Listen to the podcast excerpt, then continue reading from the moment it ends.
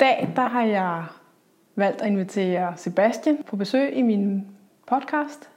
Og det har jeg blandt andet fordi, at øh, jeg har fulgt øh, Sebastian øh, blandt andet på Facebook og set hans op- og nedture, og han har været rigtig mange ting gennem her i livet. Og så synes jeg, det kunne være interessant at høre, hvad, hvad, hvordan er det, man kommer op, når man er helt nede i kuldekælderen, og når der er en hel masse personer, man roder med. Så velkommen til. Tak skal du have.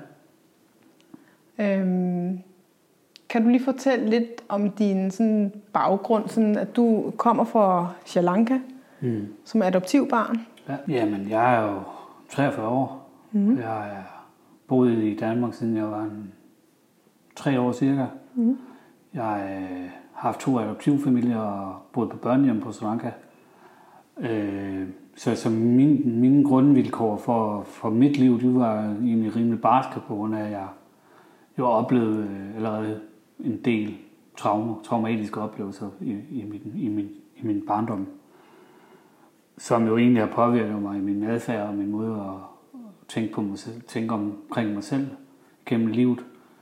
Og som jeg så har, så har jeg haft nogle konsekvenser deraf ved, ved psykiske udfordringer og ved misbrug og ved nogle andre uhensigtsmæssige karaktertræk, som jo så har gjort, at jeg havnet i et, et forkert sted i mit liv. Mm. Ja. Så hvordan, hvordan, altså, kan du huske noget fra Sri Lanka? Intet. Intet, nej. Nej. Men øh, det er i hvert fald noget med, at den der adop- adoption, eller sådan, har den været vellykket? Nej, den startede jo med, at mine forældre, som skulle have mig først, de første forældre, jeg havde, de gik fra hinanden efter 12 dage. Okay. Og så blev jeg så tvangsfjernet fra familien af mærkelige årsager. Øh, dengang havde man jo også nogle andre regler, og man så, så ikke øh, fra de lande, man adopterede børnene fra, øh, som værende særligt godt, hvis man nu adopterer børn væk, og det så, øh, at det så kommer til nogle familier, der ikke kan håndtere de her børn. Mm. Øh, så øh, det, det var sådan en lidt kaotisk måde, som mit liv startede på, og også fordi, at, og så kan man jo så altid diskutere, øh, er så de her familier, som adopterer jo, at de er så rustet til at skulle have adoptivbørn. Men det er jo sådan en anden snak. Men, men, men jeg har oplevet i hvert fald, at, at i den her familie, jeg så endte hos, som overtog min adoption, øh, der var der jo alle de her basale behov og alle de her øh, materielle behov, som, som gjorde, at jeg egentlig overlevede øh, og kom igennem min barndom sådan på, på, på de der med, at jeg fik, jeg havde et hjem at bo i, og jeg fik mad, og jeg gik i skole, og jeg gjorde alle de der ting, som andre børn også gør. Men hvor der måske manglede den her indsigt og forståelse for, min, for, for nogle andre øh, behov og traumer, øh, som jeg jo havde med mig, og som der så ikke blev kigget på, og som måske har haft øh, været med til at give mig nogle, nogle ar senere hen. Mm. Og det har jo også gjort, at jeg har haft rigtig svært ved at, at føle mig som en menneske, der hørt til. Øh, og føle, øh, føle kærlighed. Mm. Som, som min overlevelses, mine forsvarsmekanismer var meget at, at isolere mig og skubbe andre mennesker væk. De måtte ikke komme for tæt på mig. Mm. Øh, og det har jo taget mange år at, at opdage og, og ændre på, men det, det har jo så heldigvis haft en god udgang. Mm. Nu ved jeg jo, at du har kæmpet med stofmisbrug, du har kæmpet med alkoholisme, og du har også, hvad man kalder det, kottet, øh, hvad kotter, Mm. øh, borderline. Øh, og hvordan er, hvordan er du havnet i, altså der? Nu har jeg jo selv øh, vokset op med forældre, der også har haft alkoholmisbrug, men de er ikke kommet derud, hvor du for eksempel er kommet ud, og hvor det også er født med misbrug, altså stofmisbrug og sådan Mm. andre ting. Jamen altså, af, af flere årsager, så tror jeg jo, at vi mennesker er forskellige, og vi har forskellige sind, som gør, at vi også takler nogle forskellige traumer i vores liv på forskellige måder. Øh, og så samtidig med, så, øh, så, så er også måden, vi, vi møder os selv på, eller mødes på, at nogle mennesker, de overlever ved at, at lave de her normale ting, som man gør ved at få en kone, eller man får børn, og man får job, og man, så, så lever man sådan lidt på, ligesom alle andre mennesker gør. Mm. Og så har jeg jo måske altid, og jeg vidste, jeg tror måske, det er ikke nærmest i kortene, at jeg skulle have det liv, som jeg skulle have, fordi at da jeg allerede var barn, der spurgte de i min, i min folkeskole, når de spurgte, hvad jeg godt kunne tænke mig at blive, når jeg blev voksen, så svarede jeg altid, at jeg gerne vil være alkoholiker, eller jeg vil gerne være psykisk syg. øh, fordi der var en eller anden, som jeg kunne genkende i det her, inden for de her områder, som min familie tog meget afstand fra. Mm. Så måske vidste jeg jo faktisk allerede, at jeg var psykisk sårbar, så jeg var tiltrukket det her, mm. de her områder, hvor man blev rummet. Mm. Øh, hvilket jeg så opdagede, at det gjorde man så ikke. Øh, fordi at i min opvækst, så var der jo meget de her pæne ting, at man skulle have båd, og man skulle have sommerhus, og man skulle have mange penge og skirejser, og det hele var fantastisk.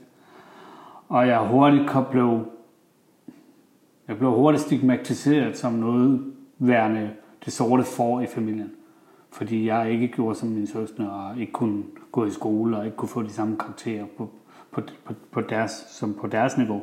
Mm. Så jeg gik jo hurtigt min egen vej og fandt ud af, at, at det at skære sig selv, eller det at drikke, eller øh, senere hen at tage stoffer, det gav jo en følelse af noget andet, som mine forældre og søstre ikke kunne give mig. Og det var sådan en afslappethed, eller en indre ro, som, som jeg ikke havde, når jeg var sammen med mennesker. Okay. Så er du ikke særlig god til at være sammen med mennesker? I dag er jeg. I dag, ja. ja. Men det har jo så også taget 30 år at lære. Ja. Men kunne du allerede i, i din skolegang mærke, at, at du var anderledes end de andre børn? Det kunne jeg godt. Det kunne du godt. Men, men, men, men, men senere hen, som jeg sådan har sådan arbejdet med det der begrebet skyld og skam, ja. så, øh, så kan jeg jo i dag rationelt se, at det var jo ikke noget med mig at gøre, men dengang troede jeg jo, at det var Altså det er jo, hvis der står 17 mennesker og peger på et lille barn og siger, at det er din skyld, så tror barnet jo sidst ende på det. Mm. Øhm, og det har jo også været min oplevelse af livet igennem, at det har jo altid været min skyld. Mm. Og, og, og det er jo også med til at give en endnu flere sårbare øh, tanker om sig selv. Hvordan? Sådan... Ja, man er ikke god nok, og man øh, duer ikke til noget, og man kan lige så godt lade være med at gå i gang med det her projekt, fordi at der er ikke nogen, der tror på en, eller støtter, på, øh, støtter mm. en. Sådan flytte lidt ind i drømmeland, og sådan, det gjorde jeg jo meget, da jeg også var barn og ung, at jamen, det kan jeg sikkert ikke lade sig gøre det her. Og så, nej. Så, øhm, så andeskuelsen for mig har jo også været, at jamen, for at kunne... Det, der var det nemmere at drikke, fordi der skulle, der, det krævede ikke noget. Det krævede mm. ikke noget at drikke, eller skære sig selv, eller og så samtidig med, at jeg så var ung og var flyttet til Odense, hvor jeg bor nu, jamen når jeg kom på sygehuset, eller jeg kom på så mødte jeg noget fagpersonale, som jo lige pludselig havde en øh, bestemt vinkel til mig. Og det var at tage sig af mig. Ja. Hvor jeg modsatte mine forældre og søstre jo egentlig følte mig svigtet, og følte mig ladt i stikken. Så, så havde jeg i det mindste nogen her at snakke med. Mm. Så det var også sådan en strategi for mig øh, og egentlig at være misbrugt og skære mig selv. Og, og, og så du kunne få noget omsorg? Ja, ja. præcis. Ja. Jeg, jeg sad og sådan tænker på det, der du siger med at føle sig forkert og ikke god nok.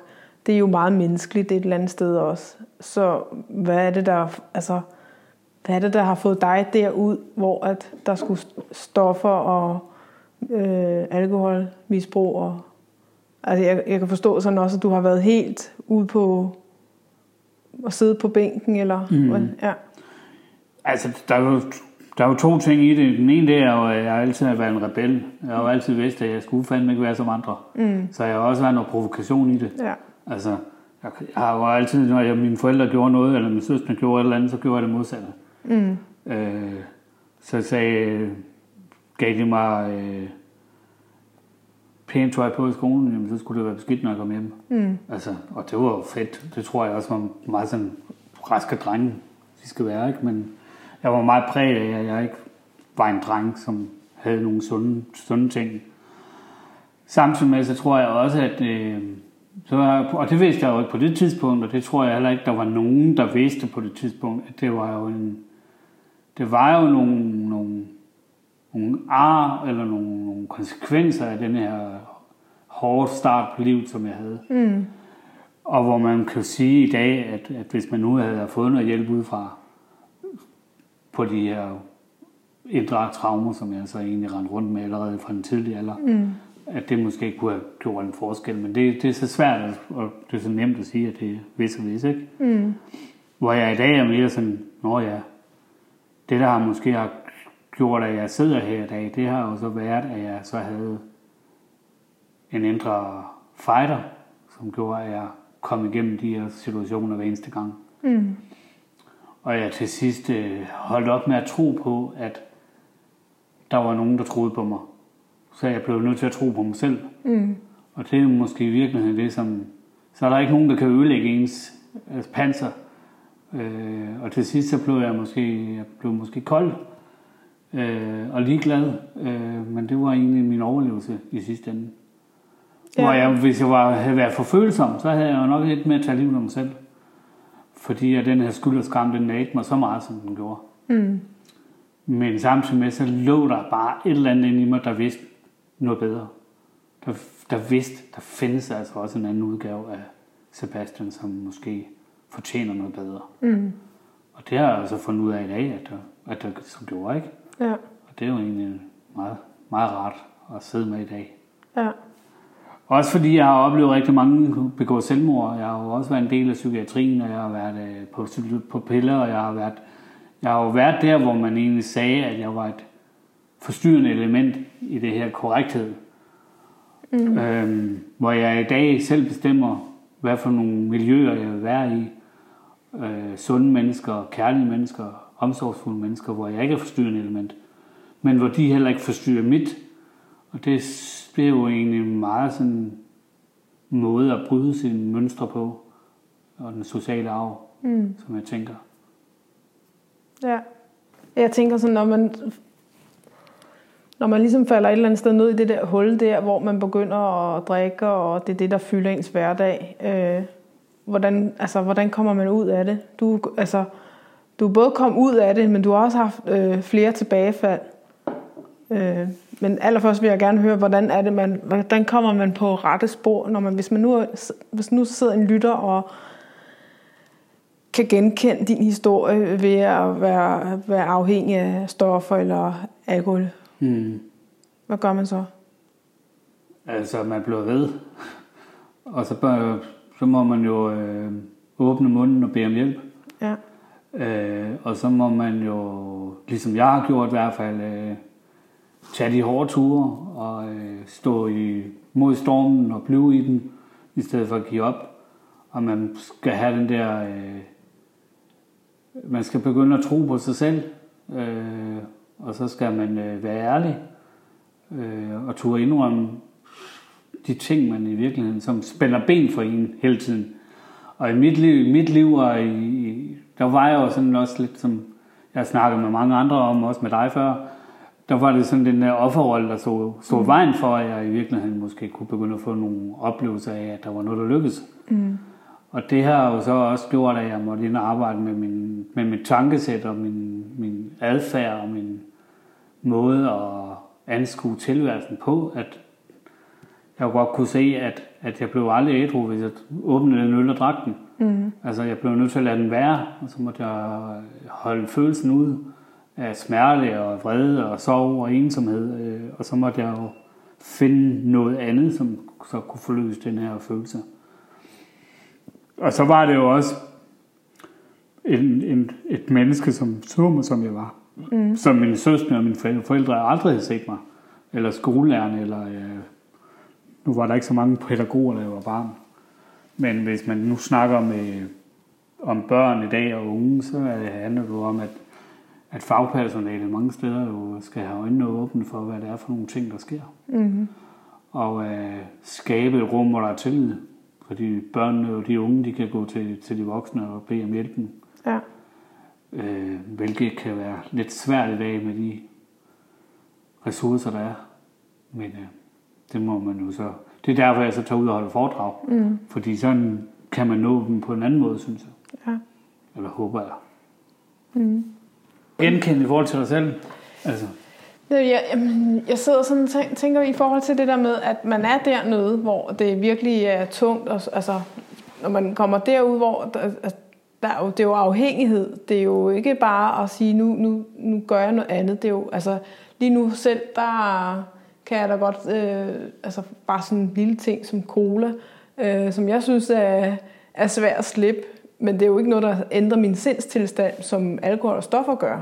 Men man kommer jo man kommer jo ind i en underverden, hvor at med, krimi- jeg ved ikke, med kriminalitet og ting, altså man, man kører bare en, en ond spiral.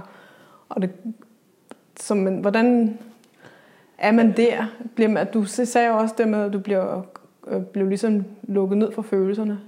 Ja, det var en, ja, det var præcis. Ja. Altså en ting er, at nu man- har jeg jo altid været sådan lidt, jeg har været lidt klog, så jeg har godt vidst, hvornår øh, nok var nok. Og det har nok også reddet mig i dag. At mm. For eksempel, at jeg har holdt mig fra heroin og de rigtig hårde stoffer. Jeg har ikke haft noget med bandemiljøet at gøre, og jeg har ikke været i fængsel. Mm. Så jeg har altid vidst, når lokummet det brændte, så blev jeg altså nødt til at gøre, gøre et eller andet.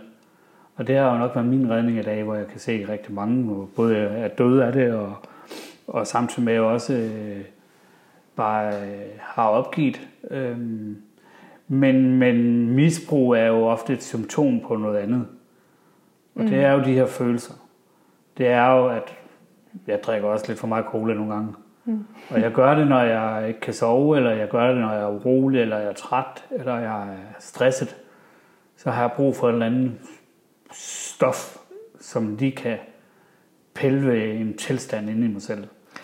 Og det, det bruger jeg faktisk også cola til, eller ja. at løbe, eller at gøre noget andet, fordi der sker jo noget med psyken og kroppen. At, at, at psyken og kroppen hænger jo sammen. Og det vil sige, at, at, at når jeg er stresset, jamen, så tror jeg faktisk, at cola det kan få mig til at stresse af. Men det gør det faktisk ikke. Det gør mig faktisk endnu mere stresset. Ja. Det... Og, men modsat, øh, så stofferne, der, og, og alkoholen, eller ved at skære mig selv, der kunne jeg lukke af for de her følelser, som alkohol, som cola for eksempel ikke gør. Mm. Der er jeg stadig ikke ked af det, mm. hvis jeg er ked af det, og jeg drikker to liter cola på ja. Ja. en halv time. Hvor jeg i mange situationer jo øh, kunne springe over de her følelser, når jeg drak. Og så kunne livet blive en fest lige et øjeblik. Så kunne du ligesom lægge låg på. Ja, ja, og så, var, så kunne jeg fyre festen af, og jeg kunne bare have det skide sjovt indtil de her underliggende følelser ja. er nogle andre følelser. Ja, altså en ting, en ting, jeg kom til at tænke på, det er, at der var en gang, hvor at jeg deltog i sådan et, øh, der er jo det der, der hedder AA-møder, som mm. jeg også ved, du har været med jeg. i. Men jeg er barn af alkoholiker, mm. så jeg blev på et tidspunkt, var jeg kontakt med en, en terapeut, som synes at jeg skulle tage til barn af alkoholikere Ja, møde. Ikke? Og det var, jeg var ikke klar til det på det tidspunkt, men jeg tog med til det møde der, og så øh, var der rigtig mange mennesker, og alle det er bygget op på samme måde som AA-møde, tror jeg, mere eller mindre. Ja. Men det, jeg faktisk lå mærke til, det var, at der var faktisk mange, der snakker om det der med sukkerafhængighed, ja. øh, som også et, et, et øh, meget tæt relateret til alkoholmisbrug. Mm. At øh, for eksempel min far, han har også meget stor sukkerbehov, mm. øh, afhængighed, ikke? som at der ligger noget der. Jeg tror er meget- faktisk også, der er sukker i alkohol. Jo. Altså alkohol er jo også... Altså, så jeg tror, det, har, det ligger meget ja. Ja. op ad hinanden. Ikke? Det ligger Men, men, men jeg tror bare, at øh, alkohol har en, en kemisk anden tilgang til, til kroppen. Fordi den går mere i hjernen, hvor sukker det går mere i kroppen Ja. og påvirker øh, kropsligt, øh, og som derved så går til hjernen. Men alkohol, det går. Jeg Det, tror påvirker, det påvirker hjernen meget hurtigere. Øh, sukker kan også påvirke med, øh, med at give depression, og Ja, ja, hvis man sådan dykker ned i, øh, Altså, hvad 100 sukker. gram sukker på en halv time er jo ikke så godt, du, Ja. kan man sige. Men for mig så er hele, hele øh, tanken omkring det her, det er jo, hvorfor vælger jeg at tage det her, som jeg tager? Mm. Uanset hvad det er, jeg tager. Mm. Der er nogle situationer, der, det har jeg jo også lært, at der er nogle situationer, der handler om, at jeg bare skal have det sjovt. Og købe noget slik ned i butikken, eller øh, og, og hygge mig fredag aften til en film. Men det kan jeg ikke med alkohol, mm. og det kan jeg ikke med stoffer. mm. fordi at det har en negativ effekt på både min tanke og, øh, og min krop, Ja. øh, som er med til at udløse den her afhængighed, så jeg mister kontrollen. Så hvad sker der så? Hvis du nu for eksempel, du har faldet i, så har du taget, taget fat i, øh, i øllen, eller hvad det er, du, du drikker. Ja. Og så er det jo bare gået bananas, eller? Ikke til at starte med. Mm. Øh, og i de her senere tilbagefald kan jeg også godt se, at jeg arbejder så meget mentalt med mig selv, så jeg har haft en anden tilgang til det. Mm. Men problemet med alkohol er stadigvæk, at det er, der er et eller andet, der gør, at og jeg tror jo, at i forbindelse med, at jeg fik en diagnose, jamen så fik jeg også det, der hedder et afhængighedssyndrom. Og det vil sige, der er et eller andet gen, som WHO siger, at det er kromosom 11, som bliver påvirket af den her øh, alkohol, der kommer ind, og som gør det, at, man, at det er en, ligesom en sygdom. Ja. Og den simpelthen siger bang, når der kommer alkohol ind, og den kan genkende det med det samme, og den siger, jeg skal have mere af det her. Mm. Og det, er jo også, det kan jeg jo også genkende i min sidste tilbagefald, som var i et stykke tid, at i starten, der kunne jeg godt gå til koncerter, jeg kunne godt gå og hygge mig, jeg var glad, og jeg havde egentlig kontrol på mit liv. Lige indtil, at der kom nogle, nogle følelsesmæssige udbrud, mm. og så begyndte alkoholen at tage over. Fordi nu havde jeg jo fået alkoholen ind i kroppen, så jeg lærte, at jeg skulle løse de her problemer med denne her måde. Mm. Og det tog endte så til sidst med, at jeg godt kunne se, at nu, nu var jeg faktisk fanget i det samme igen som i gamle dage. Mm.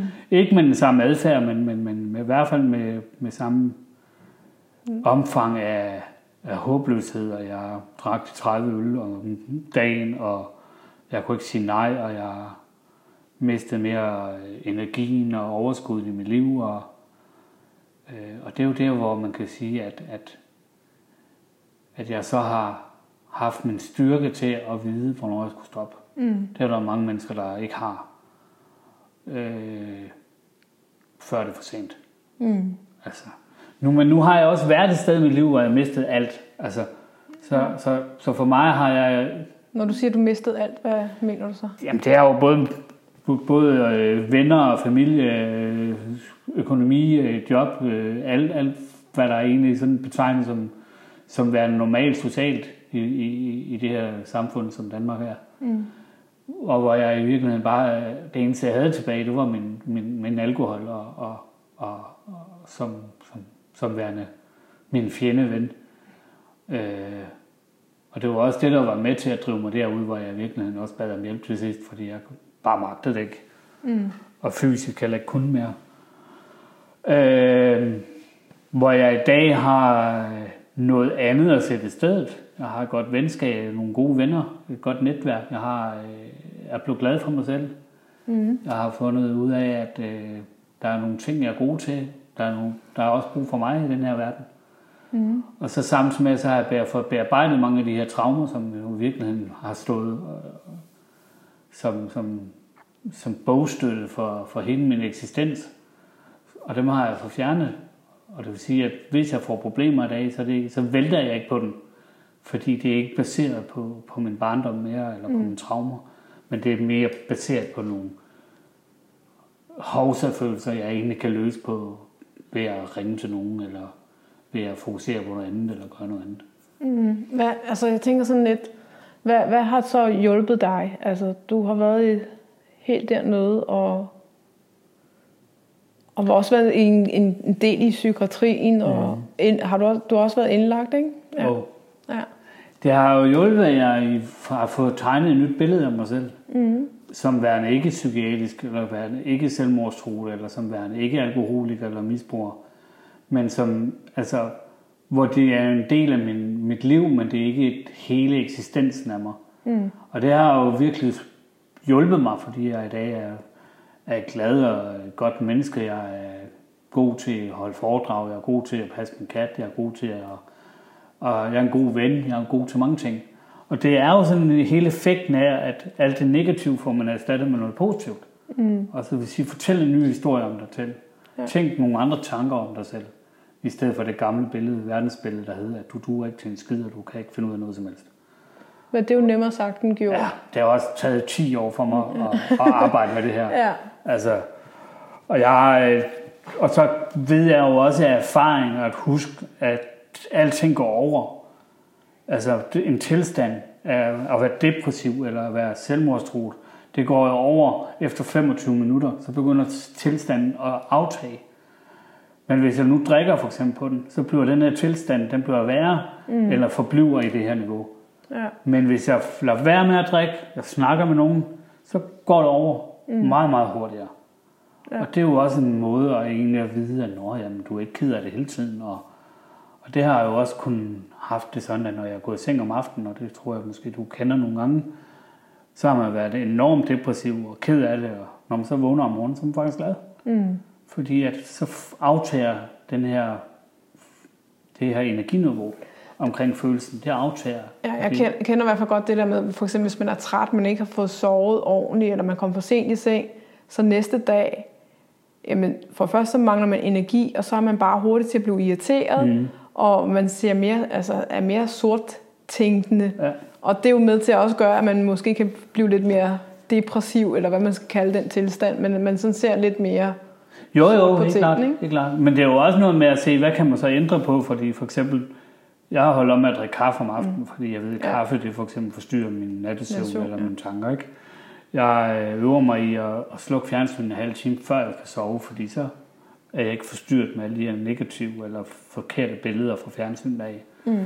Jeg, jeg øver mig i, blandt andet med min kat, at få den, øh, bare at lege med den en time eller to timer før, at den skal, jeg skal sove. Mm. Fordi så har den rent sin energi af, og så er der ikke det her forstyrrende element. Det er jo også okay. Det kunne være værre. Mm.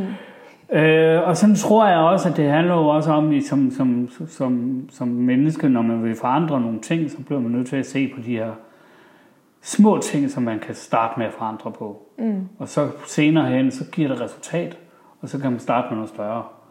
Øh, men det er de små skridt, som, som giver den her følelse af, at det fungerer sgu. Mm. Og jeg kan faktisk godt sove en time længere om natten. Eller... Og jeg har jo også haft øh, fem år, hvor jeg faktisk ikke har sovet om natten. Mm. Hvor jeg nu sådan, øh, får mere og mere... Øh, får længere perioder, hvor jeg får sovet. Ja. Og hvor jeg får sovet igennem. Og det skræmmer mig faktisk lidt, fordi når jeg så får sovet igennem, så begynder jeg at drømme, og så begynder jeg jo at rydde op. Ja. Så, så, så kroppen har jo to måder, den kan fortælle dig, at du skal rydde op på. Det gør den ved at holde ved at den holder dig vågen, Mm. eller også gør den det ved, at du sover. Ja. Og jeg har jo bare virkelig været frustreret, fordi at, at hvad, hvad er den bedste måde at, at rydde op på? Fordi nogle gange, når jeg er vågnet fra virkelig fra en dyb søvn, så har jeg følt, at jeg virkelig var ude i en mareridt, ikke? Fordi at der var altså lige nogle ting der, som, som mit sind lige fortalte mig, at det skal... Men det gode er, når man så sover, det er, at man ikke altid kan huske det, og så arbejder man ikke videre med det. Så kan man lige lægge låg på det. Ja, altså. Og hvor det værste det er jo, at, at noget, der holder en vågen om natten, det er jo forstyrrende element, som, kan, som egentlig kan skabe en konfliktsky, konflikthed. Eller en konflikt i en, fordi at, at jeg har i hvert fald fundet ud af, at meget af mit liv det her er baseret på min konfliktskyhed. Mm. At når der er nogle ting, der har forstyrret mig, som jeg ikke har fået gjort noget ved, Mm. så bliver det ved med at nage mig og være i mit sind. Hvor jeg i dag er jo enormt blevet bedre og bedre til at sige fra over for folk, som for eksempel overskrider mine grænser. Mm. Så med det samme på sagt, hvor du er her til jeg ikke længere, det vil jeg ikke være med til. Ja. Hvor jeg i gamle dage gik i flere måneder og tænkte, nej, det var også forkert, at han sagde det, og hvorfor får du ikke sagt noget, og sådan og sådan og sådan. Mm. Nu får jeg gjort det med det samme, og så kan jeg få afbrød og, og se, om, om jeg tog fejl eller ikke tog fejl. Fordi jeg, jeg kan selvfølgelig også tage fejl i nogle situationer. Men hvor jeg ofte oplever, at de her sunde, kærlige mennesker, som jeg har i mit netværk, jamen de siger, men det må du sgu undskylde, og det har jeg ikke lige tænkt over. Mm. Og så har vi respekten i, i, i relationen. Hvor mange af mine gamle mennesker, eller venner og familie og kærester og sådan noget, jamen de, det var min skyld, og det havde ikke noget med dem at gøre. Og øh, aldrig har de her mennesker heller aldrig nogensinde indrømmet nogensinde, at de har taget fejl eller gjort noget galt. Og så, så hele det sæt af, af, af, af den måde, som de har været på, har jo præget, præget mig Mm. til at sige, det er dig, der er noget galt med. Mm.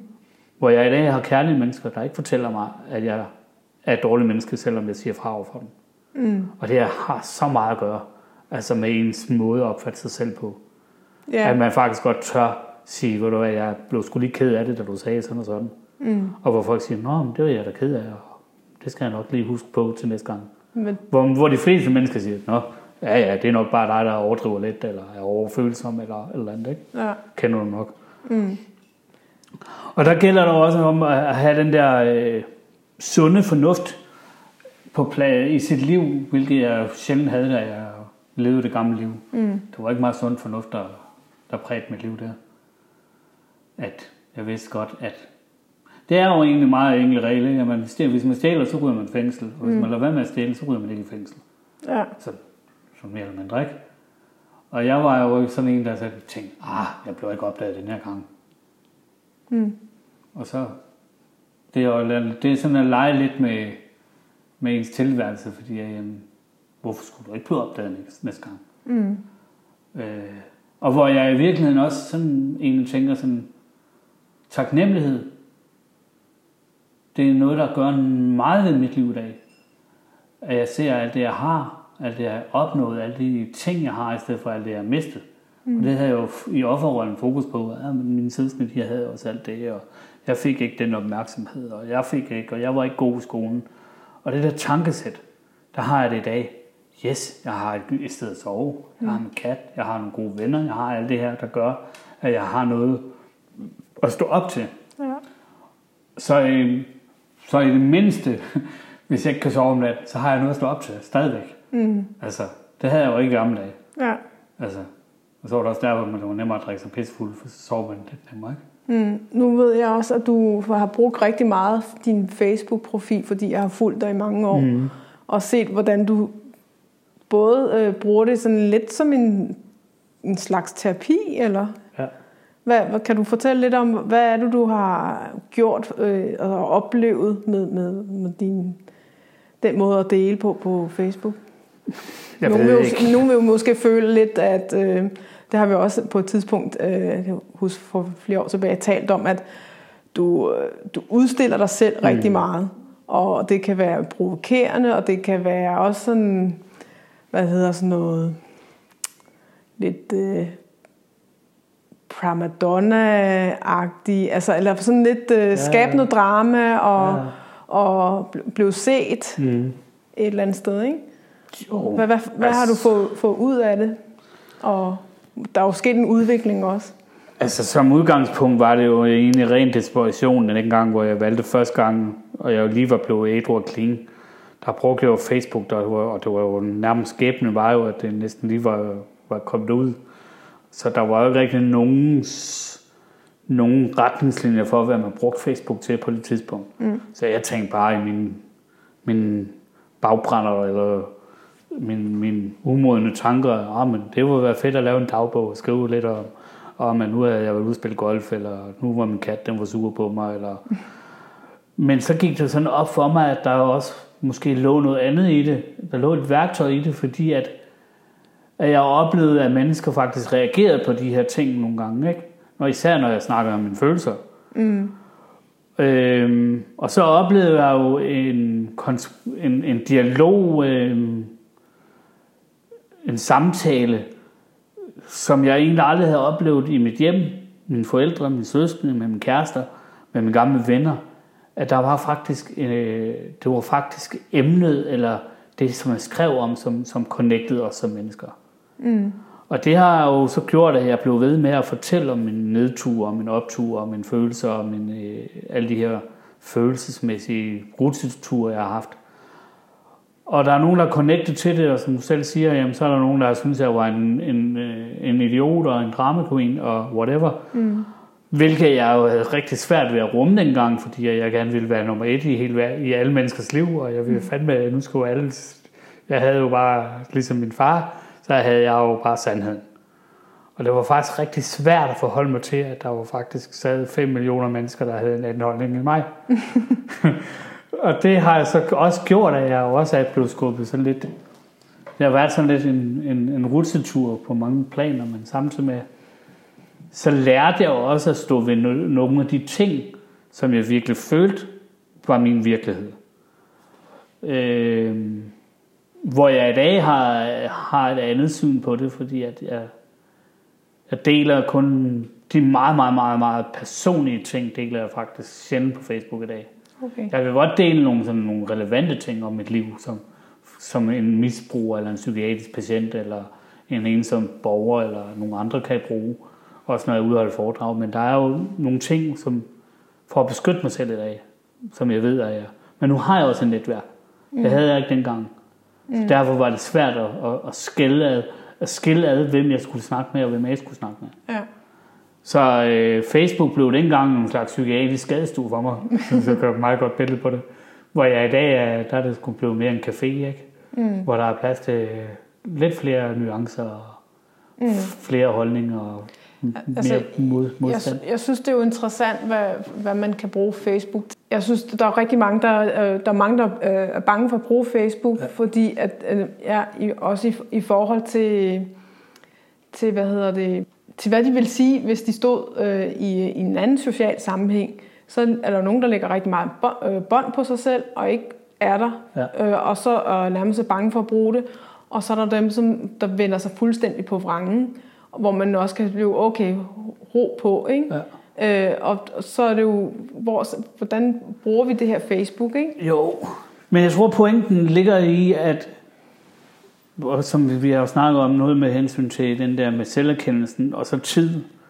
Fordi jeg har jo selv opdaget, at når der er nogle mennesker, der påpeger noget ved mig, så blev jeg enormt sur, eller folk de skulle fandme ikke begynde at bla bla bla bla. Mm. Og så når jeg var gået 3-4 måneder, og så når jeg kunne se, at de her, det her tankesæt, eller den her måde, som jeg var blevet af, så kunne jeg se, at der, der var en sammenhæng i det. Det havde jo åbenbart en skadelig effekt på, det, på mit liv. Mm. Og det har jeg jo faktisk oplevet, at mange mennesker, der blev sure på mig i starten på Facebook, de kommer tilbage til mig senere og siger, du havde sgu ret. Eller der var faktisk lige den der. Så, så jeg kan jo ikke altid sidde og sige til dem, jeg, og jeg mener ikke, at jeg har ret i noget som helst i dag. Mm. Jeg mener bare, at det jeg anskuer, eller siger, eller skriver, det er jo min egen vinkel på, hvad der har været godt for mig, mm. eller været dårligt for mig. Men andre mennesker skal selv gøre erfaringen. Men ved at jeg fortæller om det og lægger det ud, så kan folk se det sort på hvidt. Mm. Og så kan de nå komme tilbage på et tidspunkt og tænke, ah, det virker sgu. Mm. Fedt. Vi er også forskellige som mennesker. Ja. Og det er jo også derfor, i stedet for at putte hinanden i båd som psykisk syge, og som alkoholikere, og misbrugere, og colamisbrugere, og det ene og det andet og sådan noget, jamen så har vi stadigvæk nogle forskellige årsager til, at vi gør de her ting, vi gør, og nogle forskellige reaktioner. Mm. Og for at vi sk- skulle kunne nå hen og blive lykkelige alle sammen, så skal vi jo alle sammen igennem de her, tænker jeg, øh, tra- traumatiske oplevelser. Vi skal konflikthåndteringen og alle de her ting. Og så kan det blive en pædagogisk håndbog, jeg kan lave, men det går jeg ikke så meget ind for. Men, men at vi hver især lærer at gøre os selv lykkelige, mm. ud fra hvad det er, som vores mave siger os, er godt for os selv. Mm. Og det er ikke nødvendigt behøver at være, at naboen har det på samme måde. Ja. Og det har jo virkelig også gjort, at min, min verden er blevet bredere de sidste mange år. For jeg faktisk godt kan se, at det, som gør mig glad, behøver sikkert gøre min nabo glad. Mm. Men, men jeg tror, at adfærden som at være vred og være bitter, og være offer, og være konfliktsøgende og selvmedlidende og bitter og misundelig, den er ens for os alle sammen. Mm. Og den kan vi løse på samme måde, ved at gå ind og bearbejde den. På, hvordan vil, øh, har du bearbejdet? Og, Jamen det er at gå ind i mine traumer, det er at gå ind og, og, og, og gå ind i min adfærd og se mm. på, hvordan jeg reagerer på de her forskellige situationer. At misundelse, det handlede i virkeligheden om, at, at jeg jo aldrig følt mig tilstrækkelig i forhold til min søster. mm, Øh, men det havde ikke noget at gøre med, at jeg er et dårligere menneske. Det var bare det, jeg lærte dengang. mm, Hvor jeg i dag har meget sjældent er misundelig, fordi jeg faktisk har fundet ud af, at jeg er et godt menneske. mm, Og også fordi jeg holder op med at sammenligne mig med andre mennesker. ja. Jeg tror ikke på, at der er plads til misundelse, hvis man egentlig bare tror på sig selv som menneske. Mm. Så kan man godt unde andre mennesker det godt. Men det er jo stadigvæk noget, vi, kan, vi er sikkert alle sammen godt kan genkende, at vi har, har oplevet et eller og andet. der er jo også sunde former for, altså man må godt have den der drivkraft. Ah, hvis han kan, ej hvor er det irriterende, han kan det der mand, så skal jeg fandme også. Mm. Altså, der er jo også en sund drivkraft i nogle gange at mærke de her lidt negative følelser. Mm. Det kan jo også være med til at frem, fremtone den der, yes, jeg skal altså ud og løbe halv, halvmarathon, fordi Ja. Altså, og der er man heldigvis klog, at jeg nøjes med halvmarathon. Jeg skal ikke, jeg skal ikke Der er jo også det, man kalder for lyse skygger. Man ser noget i nogle andre personer, besidder man beundrer. Ja, ja. Det er, jo, det, er jo, øh, og det er jo noget, man også selv besidder, man måske bare skal Men man kan ikke altid vide så, om det er, hvad for en farve den, den her følelse har hos det andet menneske. Ja, Hvor man tror, det er jo noget fantastisk hos det andet menneske, men så viser det sig måske, at for det andet menneske, der er det en meget mørk side. ja, Det at være foredragsholder og kunne, øh, kunne det hele og tjene mange penge. Det kan jo godt være en, en mørk side, fordi de har måske aldrig har kunnet rumme sig selv. mm, øh, og ikke fortæller sandheden om dem selv i deres historie. Så, så vi har nogle forskellige udgangsvinkler ud fra vores historie, hvordan vi blev mødt. mm, Det er så i hvert fald min øh, egen oplevelse i, i forhold til mit eget liv. ja. Så det, det håber jeg, det giver mening i hvert fald. Mm. Men uh, tusind tak for, for at dele det her, og, at, og jeg håber på, at det, det kan inspirere nogen til også at se, jamen, for det som jeg et eller andet sted også hørte dig sige, det er det der med at komme ud over din, din offertilstand. Mm. Det der med at have ondt af sig selv, fordi det rykker jo ikke rigtig noget ved en. Uh, Nej, det gør det ikke, men man skal heller ikke, man kan heller ikke, som min far altid sagde, man kan jo godt svinge hesten hen til troet, man kan ikke svinge den til at drikke. mm, Så, øh, så øh, man kan ikke lave andre, andre om, man kan mm. kun vise dem vejen. ja, Og så må folk selv nå til erkendelsen, om det er det, de har lyst til eller ikke. ja, Og det har også gjort det nemmere for mig som menneske, når jeg skal ud og snakke med andre, at jeg skal slet ikke blande mig i deres, øh, i deres historie og deres vej. Det er jo, jeg skal bare være med til at anerkende dem i de ting, som de har lyst til. ja, Øh, og hvis det så viser sig, øh, at det ikke er det, jamen, så anerkende dem i det også. mm, Og det tror jeg jo måske er hele pointen i, i det at være menneske, det er, at man bliver anerkendt som der, hvor man er, ja, ud fra de forudsætninger, man har. mm, Og så viser det sig måske, at det ikke er godt nok, og så må man prøve på noget nyt. Og det er sådan det, jeg har gjort hele livet igennem. Altså, når mm. jeg, og det virker sgu ikke. Nå. Ah, okay. Og det, og det er jo også den der tanke, jeg lige havde, det der med, jamen det kunne være, hvis jeg nu holder op med at drikke 30 bajer om dagen, så, og så drak tre flasker vodka, så blev jeg endnu mere lykkelig. mm, Men det var jo det samme med Lind. Det var bare en anden form. Og det, så Jeg sidder også og tænker, at øh, nu skal man jo ikke dunke sig selv oven i hovedet, fordi man øh, føler, man er et offer, eller er i den der offertilstand, for det, den, den kender jeg også selv, den har jeg også selv været i, at man, man ligesom siger, at det er bare en del af, af processen mm. til at komme til et andet sted. På et eller andet tidspunkt, så bliver man jo træt af at have ondt af sig selv. ja, ja, helt klart. Helt klart. Så Men jeg tror bare, at så længe man er i offertilstand, så er der bare ikke nogen udviklingsmuligheder. Mm. Altså, når man begynder at, at kunne se, at man er i en situation, som du selv siger, at det her, der rykker sgu ikke. Mm. Jeg bliver sgu ikke gladere, jeg, bliver ikke, jeg får ikke mere overskud, og jeg har ikke nogen, jeg får ikke, jeg kommer ikke, altså igen, hvis man er ensom, så bliver man jo også nødt til at gøre noget for ikke at være ensom. Mm. Så bliver man nødt til at gå ud af døren. Der er ikke nogen, der kommer og banker på ens dør og siger, nu, hey, vi kan se, at du er ensom, nu skal vi gøre noget ved det. Mm. Det er en selv. Hele arbejdet ligger hos. Ja. Og det er kedeligt at sige, men, men vi bliver nødt til at være, øh, have medindflydelse i vores eget liv, Ja. hvis vi gerne vil have det godt. Mm. For det er meget nemt at have det skidt. Mm. Det tror jeg sgu de fleste, de kender. Det, det er jo bare de, de ting, der med, fører med til kedelighed. Altså at have det skidt, det er meget naturligt. Ja, Og at have det godt, det kan være rigtig skræmmende for mange.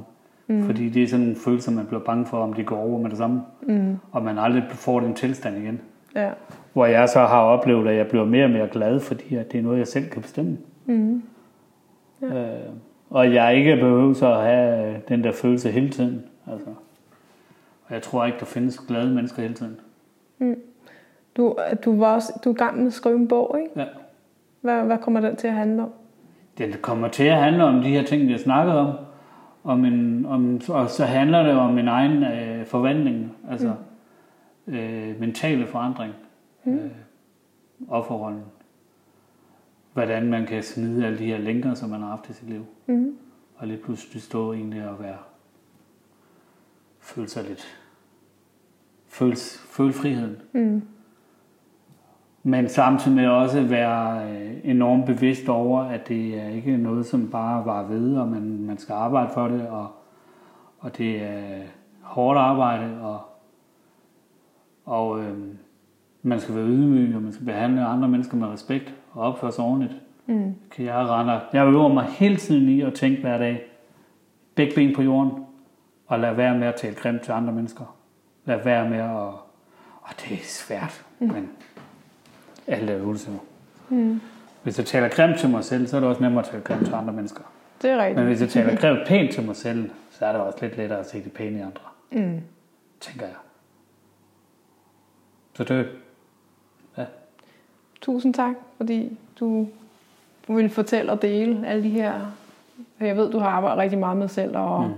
Er faktisk et, øh, et... Jeg synes personligt selv, du er en interessant person, fordi du er, har virkelig været nede og dykt ned i, i de der traumer og, og, og, og set virkelig ærligt på dig selv. Så mm. der er mange mennesker, der slet ikke har mulighed for at arbejde med sig selv så dybt, som du har faktisk har gjort i mange år. Så tak for Det håber jeg, at I tør så. Ja. Men tak. Ja, tak.